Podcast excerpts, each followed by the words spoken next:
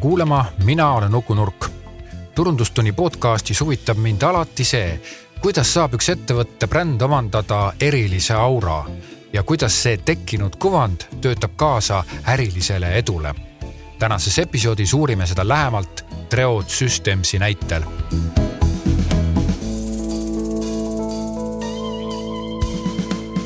me räägime Treod Systemsi tegevjuhi Villiko Nurmajaga, tere Villiko. tere Treod on siis Eesti oma militaartehnikat tootev ettevõte Tallinna külje all, kas me saame öelda, et see on äh, militaartehnika? no saame öelda küll, et ta on äh, militaartehnika, aga, aga ta pole nagu sada protsenti militaartehnika, et meie vahendeid võib kasutada nii militaarmaailmas ehk siis laiemalt kaitsetööstuse sektoris, aga võib kasutada ka täiesti tavalises nii-öelda kommertsaplikatsioonides. nojah, aga kui me vaatame nüüd militaartehnoloogiat ja siis vaatame jällegi seda sihukest, mida tavaliselt siis, milleks tavaliselt drooni peetakse, see on siis mingisugune sihuke umbes tuvisuurune asi, mis käsu peale teeb siis pirueti ära, et, et sellisest hoiakust on tegelikult asi ikkagi väga kaugel, et teie tehnoloogia peab olema nagu väga tõsise suhtumisega ja väga tõsise kvaliteeditasandiga, et see ilmselt sellepärast ma ütlengi, et militaartehnoloogia vajab ikka pisut teistsugust lähenemist, on mul õigus? no see tehnoloogia on natuke erinev võrreldes sellega, mida me kuskilt kaubanduskeskusest äh, osta võime, et äh, kaubanduskeskuse droonid maksavad umbes äh, tuhat eurot ja sellega on hea hoovis kuskil niisama nagu lennutada ja aega nagu surnuks lüüa ja noh, tänapäeval võime öelda, et nad teevad päris palju head nagu video ja pildi sellist tööd ka. et aga noh, nad jäävad ikkagi hobimaailma. Need vahendid, mida meie pakume, on mõeldud ikkagi mingisuguste otsustusprotsesside toetamiseks ja informatsiooni kogumiseks ühel või teisel moel Treod on praeguseks hetkeks kuus ja pool aastat vana, ma vaatasin järele kusagilt äriregistrist nii et tegelikkuses te olete ikkagi päris äh, noor ettevõte. maailma kontekstis väga noor, et yeah. Äh, kuue poole aastaga saavutada nii palju, kui me täna saavutanud oleme seda ei ole, ei ole lihtne teha, vahet ei ole, millises maailma nurgas sa oled, et äh, algab see juba sellest, et noh, kõigepealt sa pead leidma inimesed, kes seda teevad. kompetentsid peavad olemas olema ja jälle järele sinna loomulikult ka finants ja igasugune infrastruktuur, see asukoht, kus sa seda asja arendad, peab seda toetama ja nii edasi, et jah, nagu päris nagu nullist lühikese ajaga sellist asja teha on ikka päris keeruline. Ma küsin sihukese üldise küsimuse, et kus kohas praegusel hetkel Treod üldse on, kus kohas te nagu paiknete, te olete nagu loodud ja te olete nagu teel kusagile või kus, kuidas ettevõttel praegusel hetkel läheb? no me ise ütleme, et me oleme oma asjades ikka päris alguses alles mis sest, et kuus pool aastat on midagi tehtud, aga ta on õpikõvera sihuke esimene ots. kus me üldse nagu õpime aru saama, mis see sektor endast kujutab, mis see tehnoloogia endast kujutab, kuhu me üldse nagu liikuma peame. milliseid kompetentse vaja on, palju inimesi meil vaja on, et äh, oleme oma, ütleme sellist startup'i mingisugust äh, garaaži rabelemisest oleme välja rabelenud, aga oleme sihuke kasvufaasi esimeses osas ja üritame aru saada, mis me edasi teeme Äh, milline see ettevõte oli päris alguses? kas, kas te alguses kohe juba pla-, planeerisite seda, kus te näiteks täna kuue aasta pärast olete või olid teil mingid teised plaanid? ma arvan, sellised ettevõtted, kes nii-öelda garaažis alustavad, ega nad päris hästi aru ei saa, mis nad teevad. Et sellised nagu eesmärgipäraselt ette, loodud ettevõtted, kus kohe on äriplaan olemas ja kuskil mingisugused numbrid jooksevad ja keegi annab kohvriga kogu aeg raha juurde. see on nagu pigem nagu erand et kõik alustavad ikkagi kuskilt päris algusest mingi idee, mingi nägemusega, mingi sooviga midagi teha. aga see ei pruugi üldse olla see, mis, mis pärast nagu üldse välja tuleb. Ja aga, aga ometigi te hakkasite tegelema ikkagi suhteliselt tõsiseltvõetava militaartehnikaga, et see suund oli ju algusest peale teil olemas. ja, et äh, noh, kui ma ise nagu tagasi vaatan selle ettevõtte ajaloo peale, siis ma ütlen, et see, see motivatsioon, see tahe ja see soov tegeleda selle valdkonnaga oli see, mis edasi viis et äh, need inimesed, kes ettevõttega alustasid alguses, ega nad päris hästi aru ei saanud, äh, mis see valdkond on, mida need militaardroonid üldse tegema peavad, mida nad teevad või suudavad. Oli lihtsalt enesekindlus, et meie suudame ka. Ja, ja sellest see asi nagu minema hakkas. Milline on üldse mm, siis see militaarsete droonide valdkond? Kas see, see, see militaarseid droone tegema hakates te ju loomulikult mõtlesite koheselt ka selle peale, et tegemist on ikkagi välisturuga, kuna Eesti turg säärases valdkonnas on väga kitsas. no ütleme niimoodi, et kui täna Eesti kaitsetööstuses mõni ettevõte seab endale eesmärgiks elada ainult siseturu nõudlusest lähtuvalt, siis on see väga lühike tee. et meid on ainult üks koma kolm miljonit inimest, riik on väike ja lihtsalt ei ole võimalik oma äritegevust ja oma, oma unistusi selle peale nagu üles ehitada, et täna kui on vähemgi mingisugune tehnika, tehnoloogia, on see kübervaldkond, mis iganes, mis täna mingisugust väärtust loob, siis peab olema suunatud ekspordile, peab olema suunatud väljapoole. ja see peab olema juba esimesest päevast selge, et äh, see on suund, kuhu minna, sest kui esimesest päevast hakata oma ettevõtet ehitama ainult koduturule, see asi lihtsalt sureb välja ja ta jääbki väikseks. see oleks jama jah mm,, täitsa nõus. aga milline on nüüd üldse Mm, see valdkond nagu maailmas, kas ma, ma ei, ma ei usu, et, et ütleme, et te hakkasite tegema ja te nägite, et maailmas on sihuke suur auk äh, selles militaartehnoloogia valdkonnas ja näiteks UAV-de maailmas, eks ole, et tegelikult milline see maailmas see valdkond üleüldse on, kui sa paari sõnaga püüad seda nagu kokku võtta? no see maailmas on ta nüüd viimase kahekümne aastaga ikka meeletul kiirusel arenenud täna ei viida ühtegi sõjalist operatsiooni ellu, ilma et oleks mehitamata mingid õhusõidukid või mehitamata süsteemid ja sensorid äh, kasutuses. kui meie ettevõte alguse sai, ega noh, insenerid ja, ja asutajad teadsid väga hästi, et mis maailmas enam-vähem toimub. aga võib-olla eks seal taga oli natukene võib-olla teadmatus ka. Ja see teadmatus, ma arvan, oli, on aeg-ajalt nagu hea, et sa, kui sa liiga palju tead, siis hakkad liiga palju kartma ja sa ei julgegi mingeid asju ette võtta. et täna on meil see teadmine, mis maailmas toimub, oluliselt parem. Ja, ja tõdeda on ka hea seda, et äh, kui me võrdleme enda äh, arendatud vahendeid maailmas arendatud vahenditega, siis meil ei ole absoluutselt põhjust nagu häbeneda no aga ma tulen sinna konkurentsi juurde tagasi või siis ütleme selle valdkonda juurde. et ega tegelikult ju maailm ei oodanud teid äh, siit Eestimaalt tulemas või ei võetud teid kusagil avasüli vastu, te ikkagi pidite nagu ennast turule võitlema ja, ja ennast nii-öelda selgeks tegema maailmale. no nii ta on, et ega see turuliider täna on Ameerika Ühendriigid et sihuke kolmandik kogu maailma sellist UAV vahenditest ikkagi toodetakse, arendatakse seal ja ka ostetakse seal väga palju tehakse Iisraelis, äh, väga jõudsalt arenevad Hiina ja Venemaal toodetud mehitamata lennuvahendid. Euroopa on selline noh, natuke järgi äh, sörkiv, äh, natukene aeglase loomuga selline loomakene, kes ei saa täpselt aru, kus suunast aeg-ajalt nagu jookseb. aga noh, see annab meile Euroopas täna eelise, et kuna me oleme väiksed, meil insenerid on kompetentsed, me saame aru, mida ka lõppkasutaja selle tootest nagu tahab ja see annab meile selle arenduse kiiruse. et võrreldes ütleme Lääne-Euroopa vanade kaitsetööstuse ettevõtetega me saame kiiremini tegutseda, me oleme paindlikumad nende juures mingi muudatuste elluviimine mõne mehitamata süsteemiga on nii aeglane, et noh, see kaalukauss on nagu meie poolel ja see on nagu meie eelis ja tänu sellele me oleme oma tooted ka selliseks nagu saanud. kas, kas ütleme, tea, need, kes teid juba teavad või milline on turu ootus üldse, kas teie käest oodataksegi seda, et te olete väiksed ja paindlikud, seda nagu eeldatakse, kuna te olete sealt kusagilt Eestist või, või kuidas see tunne on? no siin need eeldused, soovid päris hästi alati kokku ei lähe, et kui vaadata ostuotsustegureid kaitsetööstuse valdkonnas, siis äh, klassikaline armee või kaitsevägi või riik ostab ikkagi väga palju usaldust. ta ostab stabiilsust ja ta ostab ka seda, et see ettevõte, kes teenuse või toote pakub, oleks jätkusuutlik. ja jätkusuutlik mitte ainult ütleme viiekümne aasta perspektiivis, aga jätkusuutlik ka olukorras, kus tekib mingi konflikt. ja, ja on näiteks sõja ajal või kriisi ajal seda teenust ja toodet vaja et seetõttu meiesugusel ettevõttel on tahes-tahtmata väga raske selles, selles valdkonnas tegutseda, sest meie ajalugu on ainult kuus pool aastat võrreldes teistega, kus on aastakümned. mõnel võib-olla isegi sada aastat seda ajalugu või rohkemgi.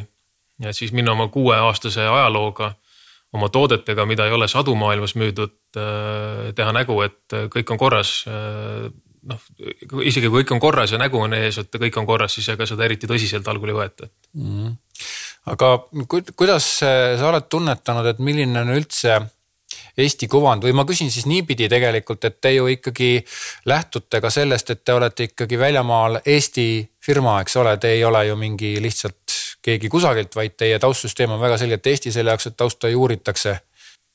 ja igal juhul äh, siin mängib nagu rolli see, et äh, ühelt poolt meil ei ole põhjust ja me ei tahagi häbeneda see, et me oleme Eestist, see täna on meil konkurentsieelis. Isegi kui mõnes maailma nurgas äh, kergitatakse nagu kulme, et äh, mis Eesti ja kus Eesti, siis äh, uhkusega on seda alati hea nagu öelda, et me oleme lisaks sellele, et me oleme iseseisev riik vaid me oleme ka ütleme, tehnika, tehnoloogia ja mingi IT-valdkonna arengus väga kõrge kohal. lisaks sellele täna on hea öelda seda, et näiteks investeeringud per capita startup indusse on Eestis number üks või noh, Eesti on maailmakaardil number üks. Ja lisaks sellele, et me oleme Euroopa Liidu, NATO liige, et see nagu tekitab kohe teise perspektiivi ja, ja aitab äh, nii Eestit kui ka ettevõtet müüa. kas Eesti kuvand äh, on sa vist ütlesid ka, aga kas Eesti kuvand on nagu konkreetselt nagu ka seotud nagu igasuguste startup idega, nagu näiteks siin on. no nad ei ole küll startup'id, aga Skype, GrabCAD ja Cleveron, et kas, kas need nimed on nagu teie taustsüsteemis osa. kas neid teatakse, kas ne, kas te olete nagu üks nendest? Alati ei seostata ja täna me ütleme, et me oleme nii algses arengustaadiumis, et me kindlasti ei taha ennast äh, Eesti suurte flagship idega hetkel veel võrrelda, et äh, eks me kõnnime järele ja loodame, et me kunagi ise oleme ka samasugused. no jaa, aga, aga see ütleme startup, Eesti kui startup'i riik, et see, see on nagu selline kuvand on nagu täiesti olemas ja seda te kasutate selgelt ära. ja igal juhul, et seda väga paljud kohtumised sellega algavadki, et me peame seletama, mis on Eesti ja kust me tuleme ja kes me oleme. sest äh, see imestus, et ah, et Eesti on nii väike ja suudetakse, ah, et Skype on ka sealt ja, ja Taxify on ka sealt.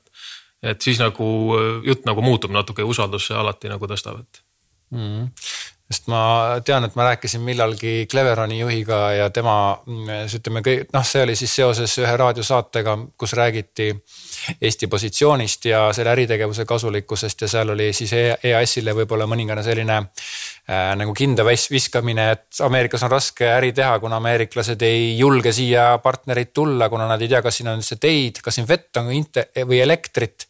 eks ole, et, et, et sellised küsimused on võib-olla ka ette tulnud või? Nojah, et millises osariigis Eesti asub, et, et selliseid, aeg-ajalt selliseid küsimusi, kommentaare tuleb ette.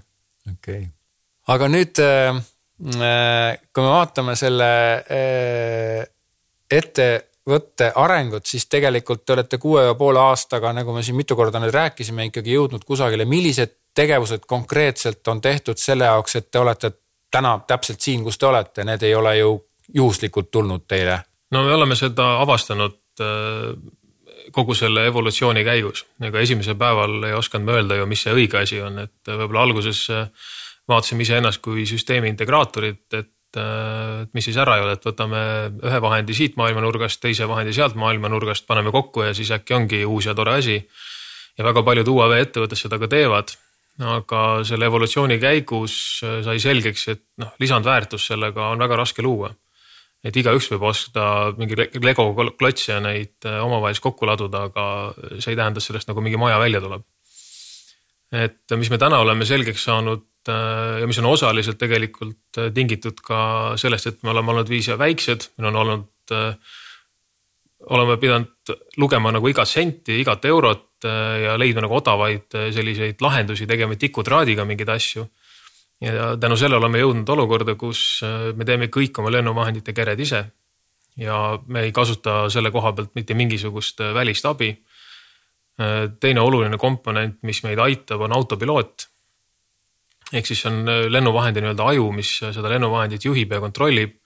see sai alguse kaks tuhat neliteist koostöös kaitseministeeriumiga, kus me võitsime vastava arendustoetuse.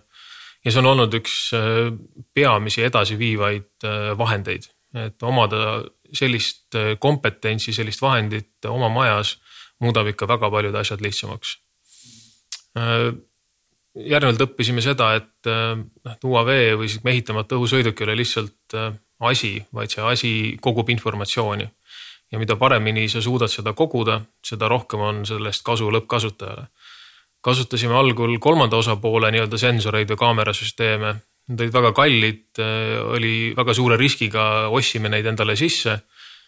ja lõpuks saime aru, et me suudame neid asju teha paremini ja, ja juba selle tõttu paremini, et äh, ta annab sellise ideaalse kombo, et kui meil on hea sensor, siis me suudame selle ehitada sellisena, et teeme sinna lennuvahendi ümber sensori ja ta annab meile nii kaalu kui efektiivsuse koha pealt palju juurde.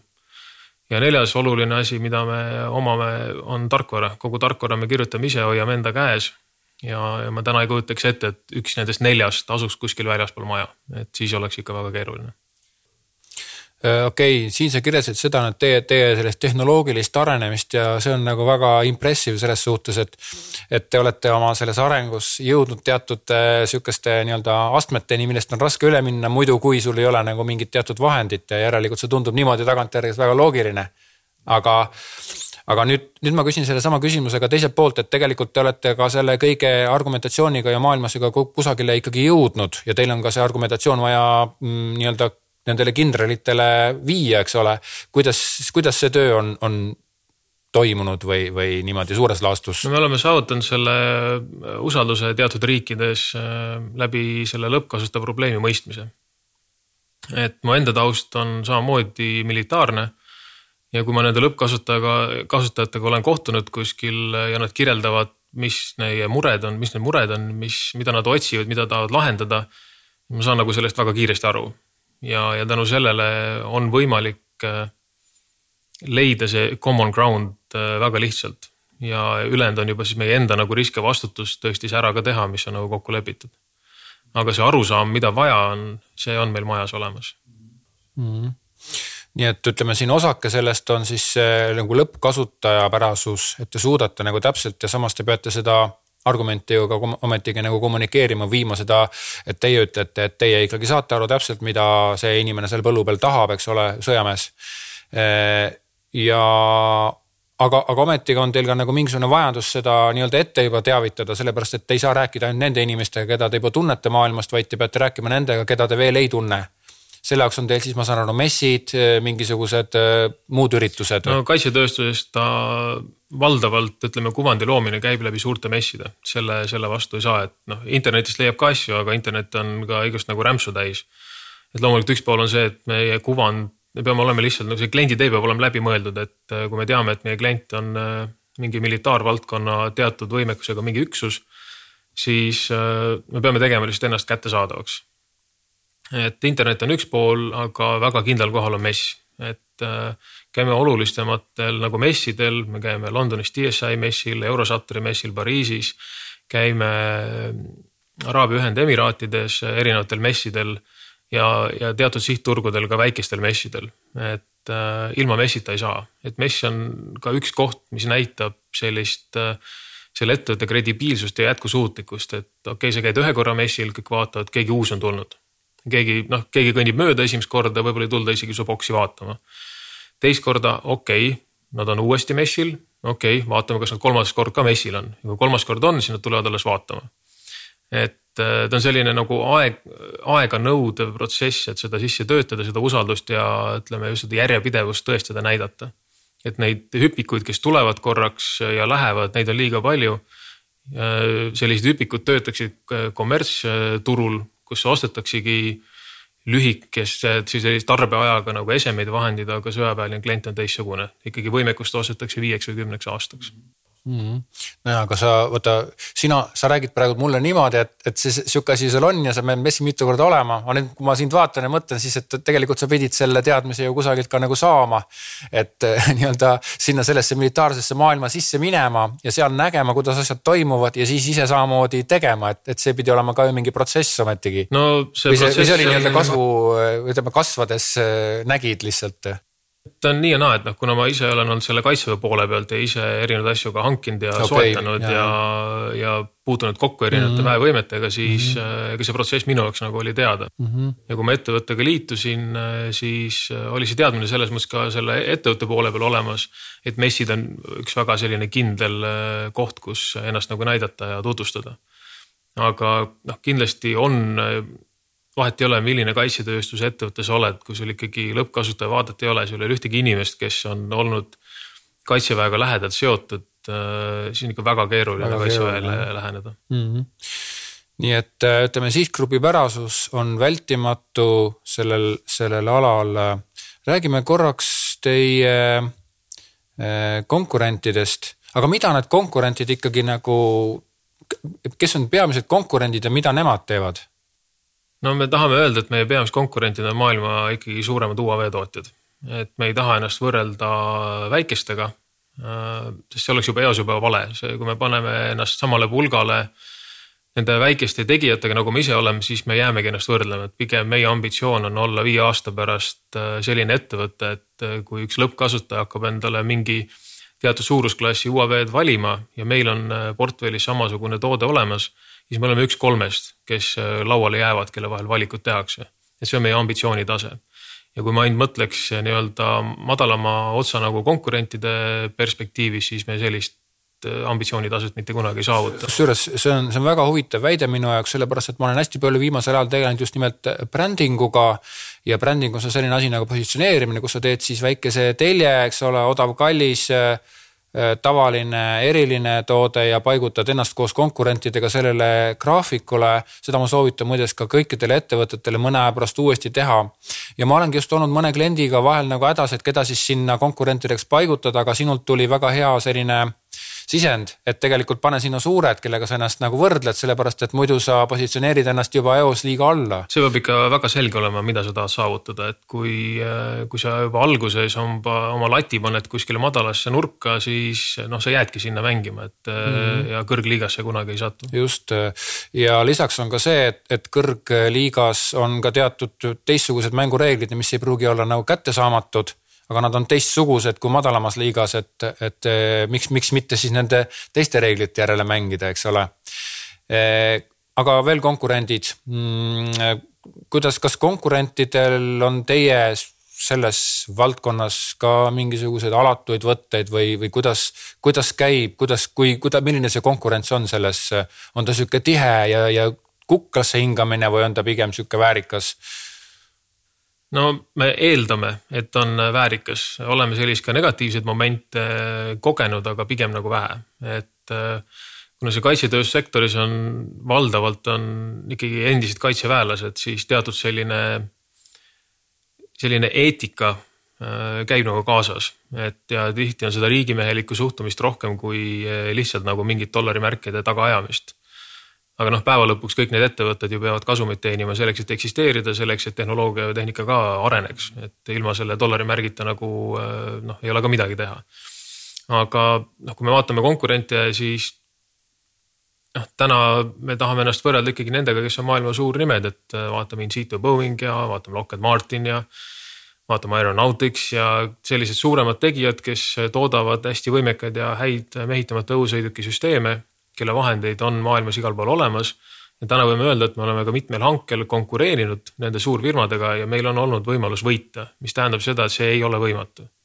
ta on raske, sellepärast et äh, nagu ma alguses mainisin, et väga palju ostetakse usaldust, on ju, osalt-, ostetakse seda ajalugu ja ostetakse jätkusuutlikkust ja, ja kuueaastasele ettevõttele on seda raske tõendada äh, aga hoolimata sellest, meil on see nagu teatud mõttes nagu õnnestunud ja oleme saanud äh, siis konkurentide ees teatud hanked kätte. Äh, kas hiinlased kopeerivad teid ka või juba? ma arvan, kui täna hiinlased mingit toodet ei kopeeri, siis see näitab seda, et sul on väga halb toode. okei, olete näinud enda nii-öelda koopiaid või? Äh, veel ei ole, et selles mõttes, et järelikult meie toode on veel piisavalt halb, et aga eks äh, selle brändingu kuvandi juures on ka see pool, et noh, me ei taha ennast liiga tugevalt liiga noh, energiliselt ka reklaamida, sest see toob ka seda negatiivset tähelepanu. et on siis need, kes tahavad kopeerida, on siis need, kes tahavad võib-olla võidelda meie UAV-de vastu. sest noh, ütleme see counter UAV on ka üks valdkond on, mis maailmas areneb. et kui on miinid, siis on ka miinitõrjevahendid ja sama kehtib siis ka lennuvahendite puhul, et kui mingid asjad lendavad, siis on ka mingisugused tõrjemeetmed olemas et seetõttu me peame olema ettevaatlikud, mida me räägime ja kuidas me räägime ja, ja liiga palju materjali ei saa nagu ka avalikult nagu levitada, sest sest kui sa ikka liiga palju nagu materjali paned veebi, mis on kõigile kättesaadav, siis seda on järjest lihtsam ka kopeerida. aga milliseks millised on teie tulevikuplaanid, et tegelikkuses ma arvan, et tulevikuplaanid, ma siin fantaseerin omas peas, võiksid nagu järjest nagu, nagu konkreetsemaks saada, et kuus pool aastat olete tegutsenud, te olete maailmas kusagile jõudnud. no tulevikuplaanid on kasv ja mitte kasv ainult selles mõttes, et ettevõte läheb suuremaks, aga me tahame tooteid ka kasvatada mõõtmetelt ja võimekuse koha pealt, sest äh, need esimesed nii-öelda vitsad on kätte saadud, esimesed õppetunnid on tehtud. Äh, võib-olla algul me päris hästi ei saanud aru, et äh, kellele mingit toodet teeme, et saame aru, kes on lõppkasutaja, aga täpselt ei saa võib-olla aru, et äh, noh, kas me peaks sellist toodet tegema või peaks mingit muud toodet tegema, siis täna on meil see teadmine hakkab juba nagu tekkima. ja me tahame kasvada oma vahendite suuruses, ehk siis lennata kaugemale, lennata kõrgemalt ja kanda rohkem äh, nii-öelda kilosid endaga kaasas, et see on see, mis, millega me täna hakkama saame mm. -hmm ja see, see kasv toimub ka nagu nii-öelda, mind huvitab just nimelt see bränd ja see teie ettevõtte kuvand. kas selles ettevõtte kuvandis te näete ka ette mingisugust muutust äh, või te näetegi ette seda, et te peate kasvatama oma seda, nagu sa ütled, mis konkurentidel on, mida teil sageli ei ole, see on see ma ei tea, aeg, ajaline faktor, et te kasvatate seda või on teil ka mingisugune kuvandi muutus plaanis või midagi või näete ette? no ütleme, et äh, me väga palju nagu sellist kuvandi muudatust teha ei taha, et see tee, mis me valinud oleme, et mismoodi me ennast nagu täna näidanud maailmas oleme, see on nagu aidanud meid. et äh, hoiame ka natukene konservatiivset joont, et ei taha liiga palju startup'ina välja näha, sest äh, see tekitab alati küsimusi, et okei okay,, et kas see on järgmine selline korraks õitsev nagu linnukene või, või lilleke, et või siis midagi nagu stabiilsemat. seetõttu me üritame seda konservatiivsust hoida, et näidata seda, et me oleme jätkusuutlik ja meie plaanid on nagu tõsised et äh, teiselt poolt äh, me peame käima suurtel messidel, me peame rohkem käima messidel. see jälle näitab seda jälle seda meie nagu kredibiilsust, et me suudame, me käime, järelikult me oleme võimelised tegutsema. et see, see on nagu kõige olulisem äh, sihuke müügiargument tegelikult kaitseväele või ütleme riigisektorile, et see ettevõte lihtsalt ei kaoks ära, vaid oleks olemas, suudab seda võimekust taga, tagada. nii siis lühiajaliselt kui ka pikaajaliselt, et mis veel selle brändi ja kuvandi koha pealt, et. Ähm, et ega midagi, midagi muud otseselt nagu teha ei saa. Et me ei taha minna jah seda teed, et kus me iga päev tweet ime kuskil midagi ja nii edasi, et see, see ei tööta selles valdkonnas. ja noh, see siit praegu sinu jutust tuli väga selgelt välja, et see valdkond eeldabki ikkagi pikaajalisust ja sihukest võib-olla tasasemat profiili. aga ma küsin sihukese kompromiteeriva küsimuse ka, kas teile müügipakkumisi on ka tehtud? Äh, ma selle teemal ei, ei räägiks, et äh, ma Selge. ütlen nii palju, et ja. me oleme jõudnud äh, selle arengustaadiumist kohta, kus me oleme ületanud nende suurte juures mingisuguse huvikünnise. et Äh, kui algul olime me, meie need, kes käisid niimoodi, Sony oli peos, käisime seda rullimas kuskil. siis järgmine hetk oli see, et äh, need konkurendid kõndisid meist mööda ja ütlesid tere ja toimus esimesed sellised visiitkaartide vahetused. sest juba see, et kui me hangetel kokku saame, siis juba need inimesed äh, näevad meid, meie näeme neid ja juba sihuke tere kontekst nagu tekib juurde. Ja täna oleme sellest tere staadiumist jõudnud järgmisse staadiumisse, kus juba meiega tahetakse koostööd teha ja meiega tahetakse teha mingeid integratsioone ja pakutakse meile lahendusi. kuni selleni välja, et teatud arendust, arendustellimusi tuleb äh, ettevõtetelt, kellelt me ei oleks osanud seda oodata. et see näitab meie jaoks, et me oleme jõudnud või ületanud mingisuguse künnise, et meid hakatakse võtma või on hakatud võtma kui teatud võrdväärse partnerina. jah, nii et te nagu kasvatate seda ettevõttes sihukest, nagu sa ütlesid, selle kohta kredibiilsus või mingisugune sihuke sõna. et, et ma saan tegelikult ise nagu täiesti aru, aga samas ma ei saanud ka vastu panna sellele, et, et, et ma ei saa ise üle ega ümber mõttest, et te olete tegelikult niivõrd noor, te olete niivõrd tugeva kasvu teinud just nimelt sellel põhjusel ma sihukese küsimuse küsisin ja teie, kuigi te olete nagu väga konservatiivsel alal, kus nagu sa ütlesid, on, mõnel on sada aastat, eks ole, siis teie kuue poole aastaga olete ikkagi suht siuksed välk Äh, nagu välk selgest taevast, ütleme niimoodi, et see Eestist sihukene asi sai tulla, kuigi see võib-olla tundub ootuspärane, aga siiski olete ikkagi väga kiire ajaga teinud väga palju väga õigeid otsuseid ja see maailmas üleüldiselt, äh, ma tean, et teie valdkonnas ei ole palju tegijaid, see peab silma torkama, et sellepärast ma eeldan, et te olete suhteliselt siuksed mm, nagu ahvatlevad. ja noh, te jääte silma, et selles suhtes, sellepärast ma sellise küsimuse ka küsisin aga millisena te näete ennast kümne aasta pärast?